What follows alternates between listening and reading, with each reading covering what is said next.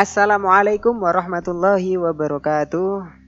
Halo pendengar, kembali lagi di Idealif Podcast membahas pendapat dan pendapatan, kajian dan kajian, ide, ideal, idealis, Idealif Podcast.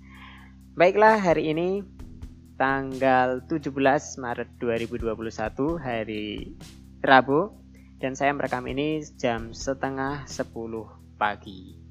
Kali ini kita masih akan membahas uh, jawaban dari pertanyaan Bang Tahan karena kemarin kita baru jawab satu part yaitu tentang Allah lebih dekat dari urat leher manusia dan kita sudah membahasnya. Jadi saya nggak perlu uh, membahas itu lagi kali ini. Buat kalian pendengar yang belum uh, mendengarkan boleh ini di pause dulu turun di episode yang kelima dengarkan itu dulu ya nanti setelah itu baru balik ke sini lagi kita akan lanjutkan pembahasannya yaitu untuk kali ini adalah tentang bagaimana caranya memahami ayat-ayat yang berkaitan dengan sifat Allah Subhanahu wa taala. Oke, sebelumnya kita harus tahu bahwa ayat-ayat yang ada di dalam Al-Quran secara maksud, tujuan, kejelasan maknanya itu dibagi menjadi dua yaitu ada ayat yang muhkamat ada ayat yang mutasyabihat. Uh, dari mana kok bisa tahu seperti itu? Wah gampang aja nih. Ya jadi kalian para pendengar silahkan coba dibuka mushafnya dibuka Al-Qur'annya yaitu di surat yang ketiga. Surat Ali Imran ayat yang ketujuh Ini kita pakai angka-angka ini ya biar agak kayak ilmiah gitu. Di situ Allah Subhanahu wa taala berfirman A'udzubillahi minasyaitonirrajim Bismillahirrahmanirrahim. Huwallazi anzala 'alaikal kitaba minhu ayatun muhkamatun hunna ummul kitabi wa ukharu mutasyabihat. فأما الذين في قلوبهم زيغ فيتبعون ما تشابه منه ابتغاء الفتنة وابتغاء تأويله. وما يعلم تأويله إلا الله. والراسخون في العلم يقولون آمنا به كل من عند ربنا. وما يذكر إلا أولو الألباب. Baik, maaf ya saya itu nggak bisa membaca dengan nada. Jadi nanti kalau pakai nada takutnya fals semua gitu ya. Baik, dari ayat ini kita bisa mengambil banyak pelajaran. Yang pertama tadi, Al-Quran isinya itu ada ayat muhkamat, ada ayat mutasyabihat. Ya, sesuai dengan firman Allah yang artinya dialah yang menurunkan kepadamu Al-Qur'an. Di antara isinya ada ayat-ayat yang muhkamat, itulah dia pokok-pokok Al-Qur'an. Sedangkan yang lainnya mutasyabihat. Baik. Apa itu ayat muhkamat? Nah, ayat muhkamat adalah ayat yang jelas maksud dan tujuannya. Mudahnya ayat muhkamat ini tidak menimbulkan multitafsir. Ya, tidak menimbulkan perdebatan yang saling bertentangan. Nah, sedangkan ayat mutasyabihat ini adalah ayat yang tidak dimengerti secara jelas maksudnya. Ya, yaitu atau ayat yang bisa mendatangkan multitafsir ya yang nanti ada pertentangan dalam tafsir satu dengan tafsir yang lainnya ini namanya ayat mutasyabihat nah contoh ayat mutasyabihat itu yang gimana sih ayat yang mutasyabihat ini contohnya ya huruf-huruf mukotoah huruf mukotoah itu kalau kamu baca Al-Quran ya kalian para pendengar membaca Al-Quran pasti sering ketemu ada huruf-huruf yang dibaca di awal surat yang kita nggak tahu maknanya apa. Contoh, alif lam mim, ya. alif lam ro, ya, dan lain sebagainya. Nah ini kan e, tidak pernah dijelaskan itu seperti apa artinya atau seperti apa maksudnya ya karena ini termasuk ayat mutasyabihat. Selain itu masih banyak lagi. Ya, ayat-ayat mutasyabihat. Kita lanjut membaca dari firman Allah tadi ya. Adapun orang-orang yang dalam hatinya ada kecenderungan pada kesesatan, maka mereka mengikuti ayat-ayat mutasyabihat untuk membangkitkan fitnah dan demi untuk mencari-cari takwilnya.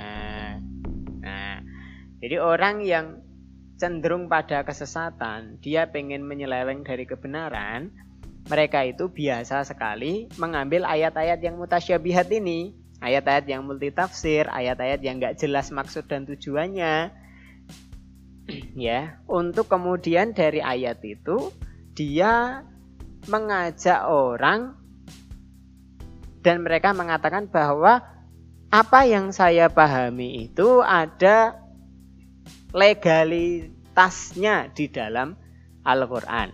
Jadi dia membawa kesesatan, akan tetapi dia juga punya dalil di dalam Al-Quran. Apa dalilnya di dalam Al-Quran? Ya ayat yang mutasyabihat ini. Ya ayat yang penafsirannya itu bisa dimainkan oleh mereka. Ya dimainkan oleh mereka. Maka mereka ingin mengajak orang kepada kesesatan kepada fitnah dengan cara mencari-cari takwil yang sesuai dengan kesesatan mereka. Nah kalau kita membuka tafsir Ibnu Kasir masalah ini ya tafsir Ibnu Kasir beliau memberikan satu contoh tentang orang-orang yang cenderung kepada kesesatan yang mereka itu mengikuti ayat mutasyabihat untuk menimbulkan fitnah dan mereka mencari-cari takwil yang sesuai dengan uh, kesesatan mereka. Siapa itu? Disebut oleh uh, Imam Ibnu Katsir. Contohnya adalah orang-orang Nasrani.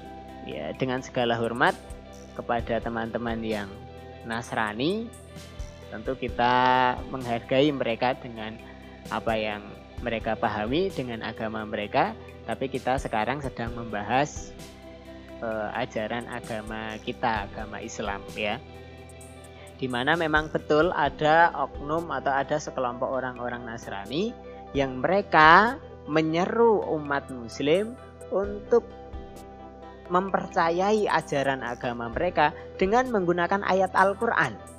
Dan ini yang menyakitkan sebenarnya ya. Jadi pakai ayat Al-Quran untuk mengatakan bahwa oh justru yang benar adalah agama agama kami. Nah ini gimana ya? Baik. Jadi orang-orang Nasrani ketika mereka ingin membenarkan ajaran agama mereka, mereka akan mengambil ayat-ayat yang mengatakan bahwa Isa itu adalah ruhullah wa kalimatuhu alkoha ila Maryam gitu. Memang betul ada ayat itu bahwa Isa adalah ruhullah. Bahwa Isa adalah kalimatullah yang ditiupkan kepada Maryam. Ya.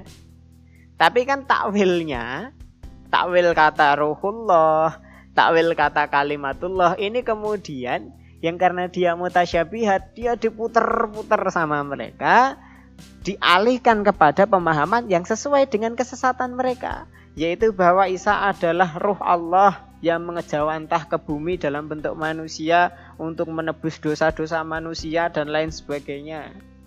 Ya, bahwa ia adalah kita seringlah mendengar bagaimana mereka berkata dan mereka berdalil dengan Al-Qur'an loh. Lah ini, ini yang disebut di dalam Al-Qur'an ya fa amal ladzina fi qulubihim zaigun fayattabi'una ma tasyabaha minhu ibtigo al-fitnah wa ibtigo atawili. Orang yang dalam hatinya ada kecenderungan untuk berbuat sesat, mereka akan mencari ayat-ayat yang sifatnya mutasyabihat untuk digunakan sebagai legalitas kesesatannya. Dan mereka akan mengajak orang-orang bodoh yang mudah untuk dijerumuskan. Loh iya ya ternyata dalam Al-Quran uh, Isa itu ruhullah ya gitu. Ternyata Isa itu ruhnya Allah ya gitu. Nah ini uh, salah satu contohnya. Padahal wa ma ya'lamu ta'wilahu illallah kelanjutannya ya masih Ali Imran ayat 7 dan tidak ada yang tahu takwilnya kecuali hanya Allah sendiri ya jadi takwil daripada ayat yang mutasyabihat itu yang tahu hanya Allah sendiri ya di apa namanya di dalam ilmu Quran yang lain yang membahas masalah kiroat ayat ini ada dua cara bacanya. Yang pertama adalah wa ma ya'lamu ta'wilahu illallah titik. Ya, tidak ada yang tahu tafsirnya kecuali hanya Allah. Dalam kiroat yang lain wakofnya nggak di situ, tapi wakofnya ada di uh, wa ma ya'lamu ta'wilahu illallah warrasikhuna fil ilmi. Dan tidak ada yang tahu takwilnya takwil ayat mutasyabihat itu kecuali hanya Allah dan orang-orang yang mendalam ilmunya. Jadi ada dua takwil, nah, ada dua tafsir dan ini semuanya tafsir yang uh, diakui oleh para ulama. Jadi masalah ayat mutasyabihat itu ya kita bisa buat reng-rengan bahwa ayat mutasyabihat itu satu tidak ada yang tahu tafsirnya kecuali hanya Allah. Ya. Kedua, tidak ada yang tahu tafsirnya kecuali hanya Allah dan orang-orang yang mendalam ilmunya yaitu para ulama. Ya, baik. Apakah itu bertentangan? Enggak. Ya, enggak. Tidak bertentangan. Tapi sebelum sebelum kita membahas bagaimana para ulama atau warosikhuna fil ilmi mengetahui takwilnya tadi, kita lanjutkan dulu ya ayat ini. Yaitu dan orang-orang yang mendalam ilmunya semuanya itu ya mereka yakulun. Mereka berkata aman nabihi kullun min indi rabbina wa ma yadzakaru illa ulul albab. Mereka berkata, ya orang-orang yang mendalam ilmunya, aman nabihi. Kami beriman kepada ayat-ayat yang mutasyabihat itu. Ya, kami tidak mengingkari ayat mutasyabihat itu bahwa ayat itu sekalipun maknanya seperti itu sekalipun maknanya itu multi tafsir itu datang dari sisi Allah maka kami beriman bahwa itu adalah bagian dari Al-Quran dan yang datang dari sisi Allah sekalipun kami tidak tahu maksudnya ya, sekalipun kami tidak tahu maksudnya mau muhkam, mau mutasyabih, aman nabihi, kullun min indi. Kami beriman, kalau muhkam kami tahu maknanya secara pasti. Kalau mutasyabih kami nggak tahu, tapi kami tetap iman. Kenapa? Kullun min indi rabbina, semua datang dari sisi Tuhan kami. Wa mayyadzakaru illa ulul albab dan tidak ada yang bisa mengambil pelajaran kecuali orang-orang yang berakal. Baik. Ini masalah muhkam mutasyabih. Sekarang Bagaimana cara kita memahami mutasyabih? Ya. Sebenarnya rumusnya juga sudah sudah diberitahu oleh Allah Subhanahu wa taala. Di awal ayat ini, yaitu ketika Allah berfirman, "Minhu ayatum muhkamatun hunna ummul kitab wa ukharu mutasyabihat." Ya. Di dalam Al-Qur'an itu ada ayat-ayat yang muhkamat. Dan itu adalah ummul kitab. Wa ukharu mutasyabihat sedangkan selainnya itu adalah mutasyabihat. Ya. Maksudnya apa? Di situ muhkamat diberi oleh Allah penyebutan umul kitab. Ya, induknya Alkitab. Apa maksudnya? Ya, kamu tahu um Umi, apa Umi? Ibu, ya kan? Ibu. Ibu itu adalah tempat kembalinya anak kalau ngerengek iya gak anak kalau nangis ya atau lagi sedih itu dia yang direngekin pasti ibu nggak bapak. Ya kan? Makanya ibu itu dalam bahasa disebut sebagai um. Ya selain walidah ya walidah berarti kan wanita yang beranak kan gitu kan. Tapi selain itu ibu dijuluki sebagai um. Kenapa kok dijuluki sebagai um? Karena dia tempat kembalinya anak ketika merengek. Nah, maksudnya hunna umul kitab. Ayat-ayat muhkamat itu adalah umul kitab, induknya kitab. Artinya apa? pokok-pokok daripada Al-Quran ada pada ayat-ayat muhkamat. Ya, kalau kita bingung masalah tafsir yang ada di dalam Al-Quran, kembalinya adalah kepada ayat-ayat yang muhkamat. Maka kalau kita ketemu ayat yang sifatnya mutasyabihat, ya, yang maksud penjelasannya itu nggak jelas, ya, atau tafsirnya banyak multi tafsir, maka dikembalikan kepada umul kitab, kembali kepada induknya.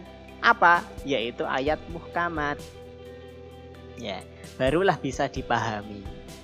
Ya barulah bisa dipahami. Jadi enggak enggak diambil apa adanya mutasyabihat terus dicari ayat-ayat yang sesuai dengan kesesatan seperti orang Nasrani tadi. Enggak tapi dicari nih ayat muhkamatnya gimana?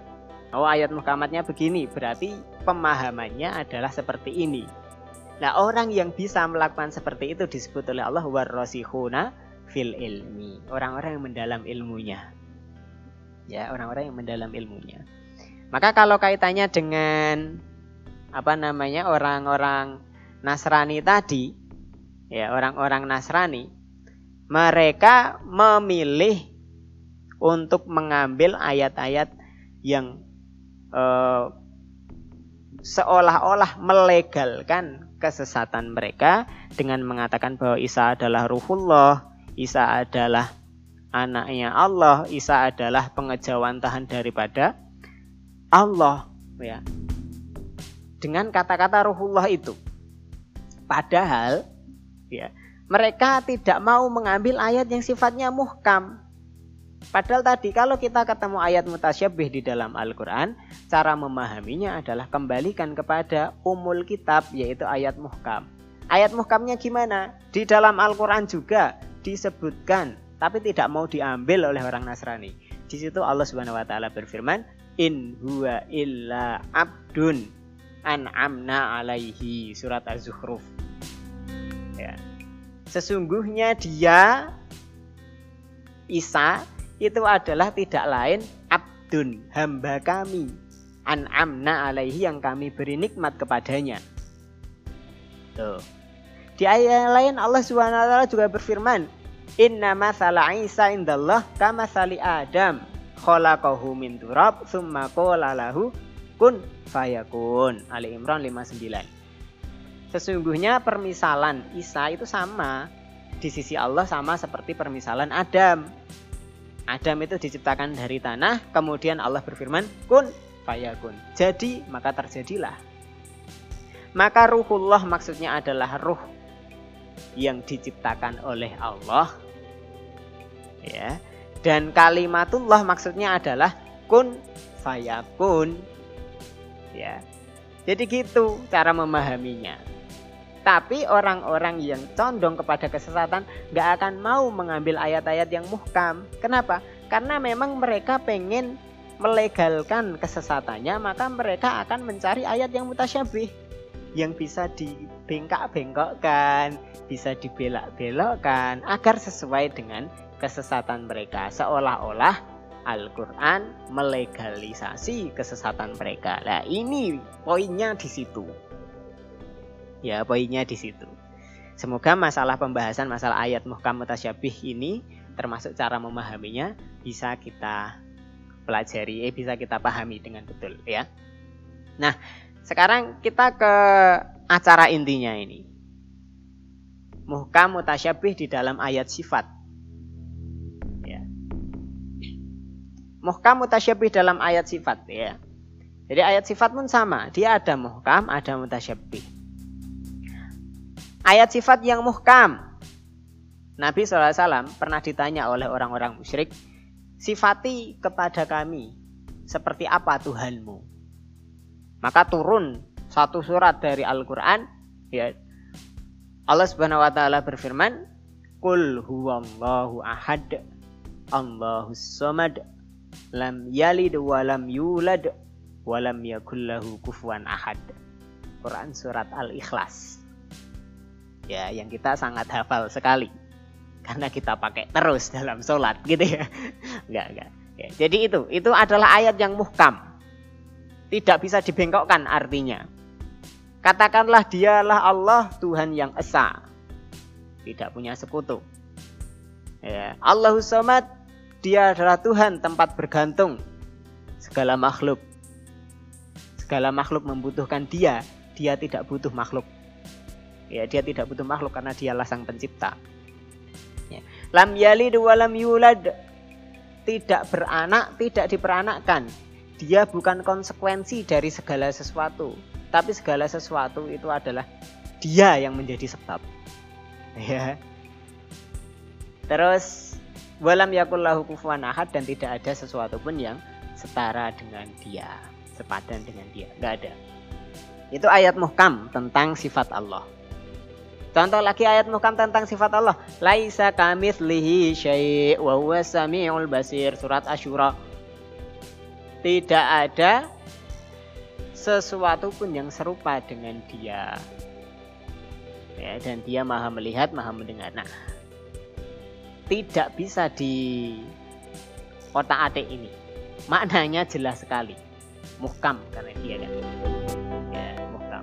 Nah, ayat mutasyabihat banyak seperti Ar-Rahmanu 'alal arsyistawa. Ya, contoh lagi yadullah fauqa aidihim. Ya. Dan lain sebagainya, banyak sekali. Kenapa kau disebut mutasyabihat? Karena maknanya itu apa namanya? menimbulkan multi tafsir. Ya, menimbulkan multi tafsir. Istiwa menimbulkan multi tafsir maknanya. Dalam firman Allah Ar-Rahman walal istawa itu. Seolah-olah dari ayat itu bahwa uh, Allah itu istiwa seperti istiwanya makhluk. Padahal tadi Allah berfirman laisa kamitslihi syai. Iya kan? Laisa kamitslihi syai. Tapi kok ini kok Allah istiwa? Gitu ya kan? Terus kata ya dullah tangan Allah. Apa Allah punya tangan? Berarti seperti makhluk dong. Padahal laisa lihi syai. Nah ini ini namanya ayat mutasya ya ayat mutasyabihat. Cara memahaminya gimana ayat mutasyabihat tadi kembalikan ke ayat yang muhkamat. Ya kembalikan ke ayat yang muhkamat. Ini kalau mau memahami tapi kalau kita, kita ini orang awam. Sekali lagi kita orang awam, kita nggak ngerti bahasa Arab, kita nggak ngerti Al-Quran, sholat juga cuma yang dipakai kalau nggak alif kelas, uh, al-kausar, iya kan? Kita bisa baca Quran, mungkin ada yang hafal Quran, tapi nggak ngerti maknanya, nggak ngerti tafsirnya. Maka ya sudahlah. Ya, yang penting adalah kita mengimani bahwa kulun min indi robbina tidak peduli bahwa kita nggak paham maksudnya tapi kita imani bahwa itu semua datang dari sisi Allah Subhanahu wa taala. Bukan konsumsi kita. Ya masalah tafsir ayat mutasyabih itu bukan konsumsi kita. Ini ya jadi mukam mutasyabih. Contoh lagi yang kayak mutasyabih yang kemarin. Nahnu akrobu ilaihi min hablil warid. Kami lebih dekat kepadanya daripada urat leher. Ini mutasyabih. Maka cara memahaminya adalah dengan dikembalikan kepada ayat muhkam. Dan kemarin kita sudah bahas. Uh, ini sudah masuk ke menit yang ke-24. Saya tambah satu lagi. Apa fungsi mutasyabih? Kenapa kok Allah Subhanahu wa taala harus menjadikan ada ayat mutasyabih ini? Jadi fungsi ayat mutasyabih itu adalah ujian bagi akal manusia. Kalau ayat muhkam, ayat halal, haram, ya, itu akan menguji manusia dari sisi dohir, ya kan? Dari sisi dohir. Kamu kalau dikasih yang haram, ini kamu pakai apa enggak? Kamu konsumsi atau enggak? Ini ujiannya dohir. Nah, ayat mutasyabih ini ujian batin bagi manusia ya apakah dia akan berani mencampur urusi atau tidak? Kalau dia mencampur urusi apakah dia sesuai dengan kaidah yang sudah Allah tetapkan ataukah tidak? Atau dia lebih memilih untuk ibtigo al fitnah wa ibtigo atakwili seperti orang-orang yang condong kepada kesesatan? Ya condong kepada kesesatan. Mereka akan mencari-cari ayat yang sifatnya mutasyabih yang bisa diolah alik, yang bisa dibengkak-bengkokkan sesuai dengan kesesatannya seolah-olah kesesatannya dilegalkan oleh Al-Qur'an. Nah, itu. Jadi fungsinya adalah ujian dari sisi Allah Subhanahu wa taala. Maka semoga kita bisa mendapatkan keselamatan ya dalam ujian ini, bisa sukses melewati. Ya, kita doa kepada Allah Rabbana la tuzigh qulubana ba'da id hadaitana wa hab lana min ladunka rahmah. Innaka antal wahhab. Ya Allah janganlah engkau condongkan hati kami dalam kesesatan. Setelah engkau memberi hidayah kepada kami. Setelah engkau memberi kami petunjuk. Ya. nah ini doa yang harus kita baca. Baiklah karena sudah masuk di menit 26 wah ini hampir kelewat dari prosedur yang sudah ditetapkan ini. Tapi nggak apa-apa, semoga yang sedikit ini bisa dipahami dan kalau kalian masih punya pertanyaan-pertanyaan semisal ini dan atau ada yang masih perlu dijelaskan lagi di episode yang akan mendatang, sampaikan saja. Bisa lewat DM Instagram saya di @ahmadalifian. Bisa juga lewat WA kalau kalian tahu nomornya. Kalau nggak tahu ya nggak usah dicari tahu. Ya, pokoknya saya menunggu uh, respon kalian. Baik yang setuju ataupun yang tidak setuju yang sepakat ataupun yang tidak sepakat semuanya adalah saudara saya saudara saya ya kan? Salam cinta untuk kalian semua. Baik saya Ahmad Alifian dari Dialif Podcast mohon undur diri. Wassalamualaikum warahmatullahi wabarakatuh